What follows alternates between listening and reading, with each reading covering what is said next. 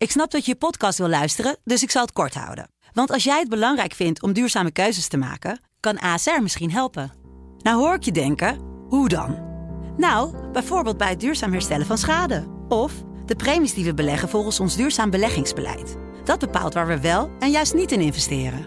Wil je meer weten over welke duurzame keuzes ASR maakt? Ga dan naar asr.nl slash duurzame keuzes. ASR doet het. Zo, dan kan je nu lekker naar je podcast luisteren. Dit is een podcast van De Telegraaf. De Stembus. Het is woensdag 10 maart en tot en met 17 maart zijn wij er op werkdagen met het belangrijkste nieuws rondom de Tweede Kamerverkiezingen. Mijn naam is Floris Noord. We gaan het hebben over Sigrid Kaag, want de lijsttrekker van D66 doet het beter dan verwacht in de verkiezingsdebatten. En dat was reden voor onze parlementair verslaggever Elif Isitman om bij haar langs te gaan voor een groot interview vandaag te lezen in de Telegraaf. Elif, goedemorgen. Ja, bespeurde jij al iets van een uh, feeststemming bij Sigrid Kaag? Of een soort winning mood waarin ze zit? Uh, ja, ik denk dat winning mood een beetje overdreven is. Sowieso is niet echt iemand waar de, de, emoties vanaf spatten. maar het is in ieder geval wel zo dat ze de afgelopen tijd in, in, die verkiezingsdebatten het inhoudelijk gewoon echt een stuk beter doet dan, dan de menigeen dacht, zeg maar. Dus ik, uh, ik denk dat ze vooral binnenkamers bij D66 wel echt opgelucht ademhalen met uh, hoe zij het de afgelopen tijd heeft gedaan. Uh, ze houdt zich gewoon prima staande tussen andere politici, terwijl ze toch nou, in deze arena in ieder geval relatief nieuwkomer is. Dus ja, ik denk dat het alles meevalt voor D66. Ja, Sigrid Kaag heeft het steeds over nieuw leiderschap. vind jij dat ze nou goed in staat is om uit te leggen wat ze daar precies mee bedoelt? Uh, nee, nee, eigenlijk helemaal niet. Dat is een, uh, een woord wat inderdaad op alle verkiezingsposters staat van D66. Uh, het, dat woord vliegt je echt om de oren als zij het woord is. Maar als je dan aan haar vraagt van ja, wat, wat verstaat u daar precies onder? Dan komt er eigenlijk altijd een beetje hetzelfde verhaal uit. En dat is altijd ja, het draagvlak creëren in plaats van er achteraan te lopen.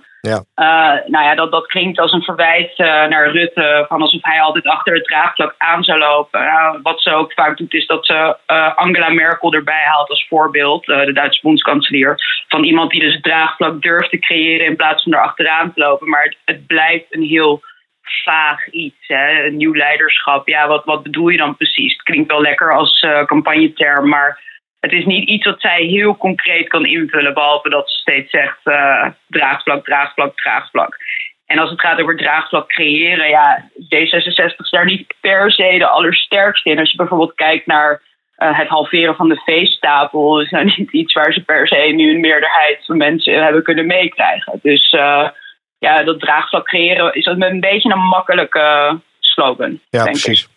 Uh, nou, er is ook veel te doen geweest natuurlijk om de avondklok. Uh, daar hebben jullie het ook nog even gehad in het interview. En zij komt dan eigenlijk uh, ja, met het antwoord dat mensen zich er nu makkelijker bij neerleggen. Ja, omdat we in een vergrijsde samenleving zouden leven. Wat bedoelt ze daar nou precies mee? Ja, dat, dat vond ik best een grappig antwoord eigenlijk. Dus zij, haar, haar theorie is, omdat er veel oude mensen in Nederland wonen, wordt de avondklok makkelijker geaccepteerd. Dat, dat is eigenlijk wat ze bedoelt. Uh, vervolgens krabbelt ze ook wel een beetje terug hoor. En dan zegt ze ja, maar jonge mensen hebben er wel heel veel last van. En mensen met een actief sociaal leven hebben er heel veel last van. Dus uh, ja, voor, voor die mensen is het gewoon wel heel erg. Dus ze krabbelt een beetje terug. Want het was een, een vrij ja, vreemde op, uh, opmerking eigenlijk. Van, want ook al, ook al zou het zo zijn dat nou ja, Nederland voor 100% uit mensen boven de 80 zou bestaan. Zou je natuurlijk nog steeds kunnen zeggen, maar moreel gezien willen we geen avondklok. Want het beperkt mensen in hun vrijheid. Hè? Uh, dat zou een, een goed, nou ja, of een logisch standpunt zijn voor D66. Uh, dus het was, het was denk ik een beetje een slip of the tongue. Um, ja, maar, dan, valt bij, dan valt mij ook nog op dat ze daar dan vervolgens uh, over zegt van ja, we hebben er niet echt een punt van gemaakt, omdat we het, ja, dat uh, toch niet zouden gaan winnen. Ja, precies. Dus ze hebben, er, ze hebben in het begin hebben ze nog, uh, nog wat verzet getoond. Hè? Die, die, zat, die zei in de Kamer van, nou ja, die avondklok die gaat er niet komen. Het leek er tot, tot het laatste moment op dat D66 niet zou meestemmen. Uh, vervolgens hebben ze het voor elkaar gekregen om er een half uurtje bij te sprokkelen. Dus de avondklok zou in eerste instantie om half negen ingaan. Nou, dankzij D66 gaat die om negen uur in. Ja. Dus dat wordt ook wel D66 half uurtje genoemd. Ja, dat, werd ook, uh, dat werd ook flink gevierd hè, bij D66. Ja, dat ze nog dat half uurtje erbij gesnoemd hadden. Ja, ja, maar dat is natuurlijk ook, uh, dat is bijna een soort slapstick. Dat je dan denkt van, nou, je hebt er een half uurtje bij gekregen. Nou, uh, woehoe, weet je. Dat, dus het is, ja, het, en nou, uiteindelijk zijn ze er dus wel in meegegaan. En, en sindsdien, dus elke keer als er weer opnieuw uh, over gepraat werd, zijn ze, zijn ze er weer in meegegaan. Dus uh, ja, uh, hè, het is, je kan dan zeggen van nou, als we er niet in waren meegegaan, dan waren we in de minderheid geweest met stemmen. Maar dat is natuurlijk een hele rare opmerking. Want dan kan je net zo goed gewoon de hele politiek opdoeken en gewoon geen standpunten meer hebben. Maar nou ja, zij zei van ja, er moest eenheid, er moet toch eenheid worden bewaard in de coalitie. Ja, D66 zit in de coalitie, maar het is natuurlijk, ja, het is wel een smet op, uh, op het blazoen van D66. Ja. Nou, sowieso valt op dat zij bij D66 wel steeds kritischer worden op het coronabeleid. Terwijl ze natuurlijk wel gewoon in die coalitie zitten die daarover meebesluiten. Ja, ja, precies. Ja, het is natuurlijk een beetje makkelijk op het moment dat het campagnetijd is om dan opeens helemaal los te gaan en het beleid eh, te bekritiseren waar je zelf aan mee hebt gewerkt. Uh, ja, en zij zegt dan van dat ze achter de schermen of achter gesloten deuren ook uh, nou ja, heel vaak de mond heeft open gedaan en zo. Valt natuurlijk niet te controleren uh, op zich. Ja, je kan het wel, je kan het geloven, maar het is wel mm -hmm. opvallend inderdaad. Gewoon dat gewoon van de een op de andere dag ga je in één keer komen met een vaccinatiebewijs en de samenleving moet open. En er moet een sociaal-economisch OMT komen en zo. Dit zijn ideeën die, die waren er al heel lang. Er zijn heel veel groepen die dit soort ideeën hebben aangedragen. Ja. Uh, en op het moment uh, dat de campagne begint, ga je er in één keer mee aan de haal, zeg maar. Dus dat ja. is wel heel opvallend, ja. Ja, ja ze, ze maakt zich ook echt flink hard voor een vaccinatiepaspoort. ja. in hoeverre gaat ze daar de partijen in meekrijgen, denk jij? staat ze daar toch redelijk alleen met die wens? De andere partijen, die, ja, die, het, het, wat je eigenlijk een beetje hoort, is dat het al is besproken in kabinetskringen. Mm -hmm. uh, en dat de details worden uitgewerkt. Dus um, ja, wat, wat, zij, zij, ja, ze neemt eigenlijk een voorzet en komt met een idee wat dus al in kabinetskringen eigenlijk al is besloten. Uh, en uh, bij het RTL-debat waren er andere partijen die waren, nou, waren er wel tegen. Het is natuurlijk ook een, een, gewoon een omstreden idee. Nou, en haar, wat haar argument eigenlijk is voor, uh, ja, het is niet een illiberaal middel of een discriminerend middel, is dat het een uh, vaccinatiebewijs is in combinatie met een testbewijs. Dus als jij nog niet gevaccineerd bent, dan kan je laten testen en dan kan je meedoen aan dezelfde dingen als iemand die wel is gevaccineerd. Dus een soort dubbel uh, uh, ding. Maar het is natuurlijk wel gevoelig, want je dwingt mensen in feite indirect wel om, nou ja, om iets in hun lichaam te stoppen. Dus een, een vaccin of een ja. watstaaf of, of nou ja, een test te doen op de een of andere manier. Ja, dus dat is natuurlijk wel een dingetje. Um, ja, het, zij zegt zelf dat het een tijdelijke oplossing is. Dus op het moment dat die pandemie onderdrukt is, dat het dan uh, ook weer van tafel zou moeten gaan. Maar ja, ja, de angst van mensen is natuurlijk vaak van hè, als zoiets er eenmaal is, dan kom je er niet zo snel meer weer van af. Dus uh, ja, het is, wel, het is wel een controversieel onderwerp en het is ook wel een belangrijk onderwerp. Uh, nou, Sigrid Kaag zat uh, gisteravond ook nog even bij Nieuwsuur. De plek waar de afgelopen dagen de lijsttrekkers het best lastig hebben. Ja. Hoe uh, vond je dat ze het er vanaf heeft gebracht? Ja, ik vond eigenlijk ook, ook hier weer dat het, dat het best wel meeviel.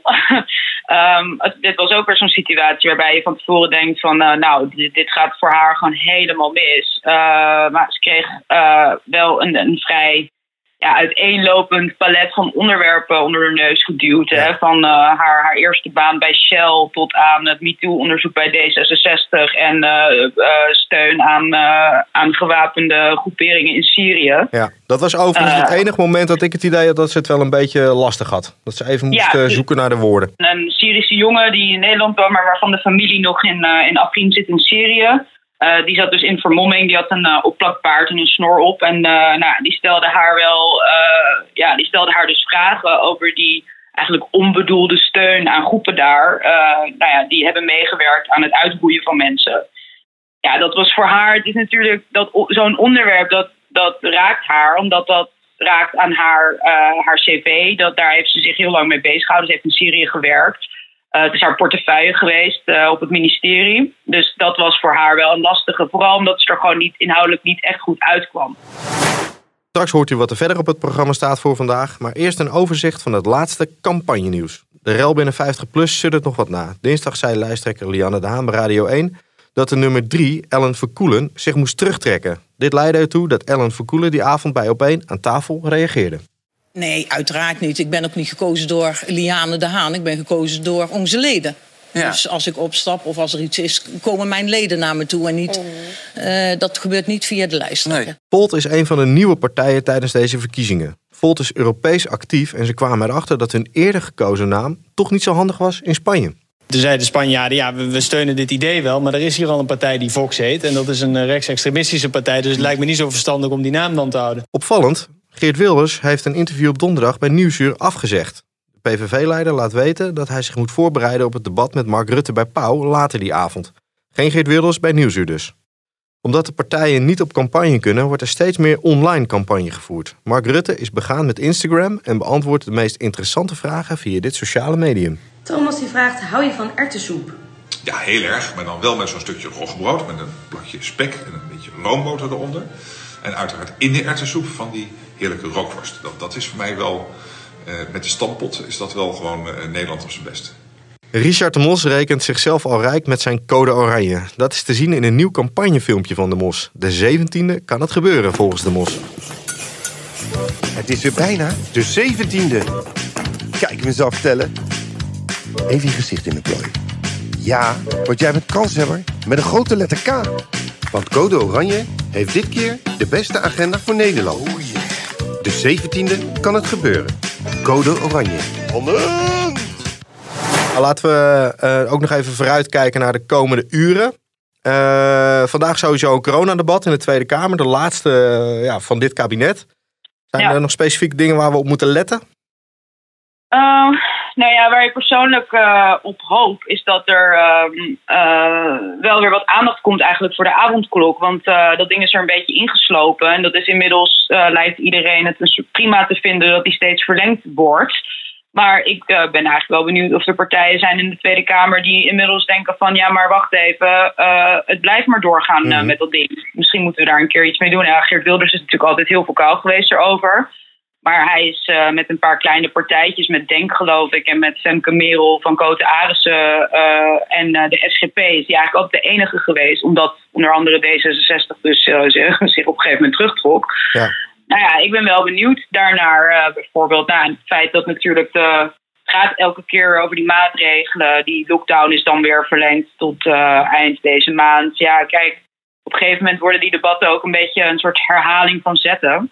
Maar het leuke aan dit debat is dat het wel de laatste is voor de verkiezingen. Dus dat zou het nog wel spannend kunnen maken. Oké, ehm, ja, Geert Wilders zou eh, morgenavond bij Nieuwsuur zitten, maar die heeft afgemeld. Ja, die, eh, die is afgehaakt inderdaad. Omdat hij eh, nou ja, direct daarna eigenlijk in debat moet met Mark Rutte. Tijdens het debat van Jeroen Pauw. Ja, dus iedereen die gaat nu los op Wilders van wat een lafaard en zo. Ehm, maar goed, ik, het zou ook een kwestie kunnen zijn van ongelukkige planning, denk ik dan. Want denk ook van, ik weet niet hoe je het in gedachten had om eerst bij Nieuwsuur afgeslacht te worden en vervolgens met Mark Rutte te moeten debatteren. Ja, Maar eh, dat lijkt me niet een ideale combinatie. nee, niet goed in de agenda's gekeken Dus misschien. ergens begrijp ik het wel. Ja. Maar eh, ja, en Farid Azarkan van Denk, die, eh, die heeft ook gepasseerd voor Nieuwsuur. En dan nu, een historisch fragment. Gisteren trokken Jesse Klaver en Wopke Hoekstra ten strijde tijdens Pauws verkiezingsdebatten. Het was opvallend om te zien dat vooral Hoekstra het lastig kreeg tijdens een debat over het minimumloon. Ik vraag u naar het minimumloon. Omdat de mensen vanavond zitten te kijken en die denken... de afgelopen jaren ben ik er niet op vooruit gegaan. U zegt, ik doe dat eigenlijk alleen maar voor een hele kleine groep. Meneer Klaver, en ik vind, het klinkt meneer Hoekstra, even- hier ik leuk, vind maar het dat klopt gewoon niet. Als u zegt dat het minimumloon ook voor deze jonge mensen een detail is. Het Nee, minimumloon, of je dat 10% verhoogt... dat maakt het verschil voor mensen of ze het einde van de maand wel of niet kunnen halen. En u beweert Klaver- hier, nee, nee, meneer meneer Hoekstra, heel even. U beweert hier dat iedereen dat krijgt. In uw plannen is dat Nee, helemaal niet ik het geval. Het geldt alleen voor de mensen Meneer Klaver, die fulltime werken. En net, niet voor de rest het van de gaat groep. voor een 40-urige werkweek. En als het nou gaat over... Dus u geeft toe dat het niet voor iedereen Nee, is? meneer Klaver, nou even, even geen retorische trucjes. Het is niet de eerste keer dat er onduidelijkheid ontstaat over verkiezingsprogramma's tijdens debatten. Zo ontkende Mark Rutte tijdens de verkiezingen van 2012 dat de VVD het eigen risico wilde verhogen. Leg mij en Nederland nou eens uit waarom u nou zo voor het verhogen van het eigen risico bent. Dan leg ik daarna uit waarom ik dat een heel onverstandig idee vind. Ik ben niet voor het verhogen van het eigen risico. U bent fors voor het verhogen van het eigen risico. Dat gaat alleen maar omhoog. De afgelopen jaren alleen maar omhoog gegaan. U wilt de kosten omhoog om naar de dokter te gaan. Een eigen risico voor de dokter. Staat gewoon in uw verkiezingsprogramma. Luister. U wil lichtgeld. Staat gewoon in het verkiezingsprogramma. In het Koendersprogramma. Staat er gewoon in. U gaat gewoon alleen maar de kosten bij de mensen Zal ik zelf vertellen wat ik wil? Of gaat... Oké. Ja, en bij beide fragmenten geldt natuurlijk dat de kijker hier uiteindelijk niet veel wijzer van wordt. Dit was de stembus voor vandaag. Morgen zijn we weer met een nieuwe campagne-update voor de Tweede Kamerverkiezingen. Wil je daar een melding van krijgen? Abonneer je dan via je favoriete podcastplayer. En heb je met plezier naar deze aflevering geluisterd? Laat dan ook een review achter. Tot morgen.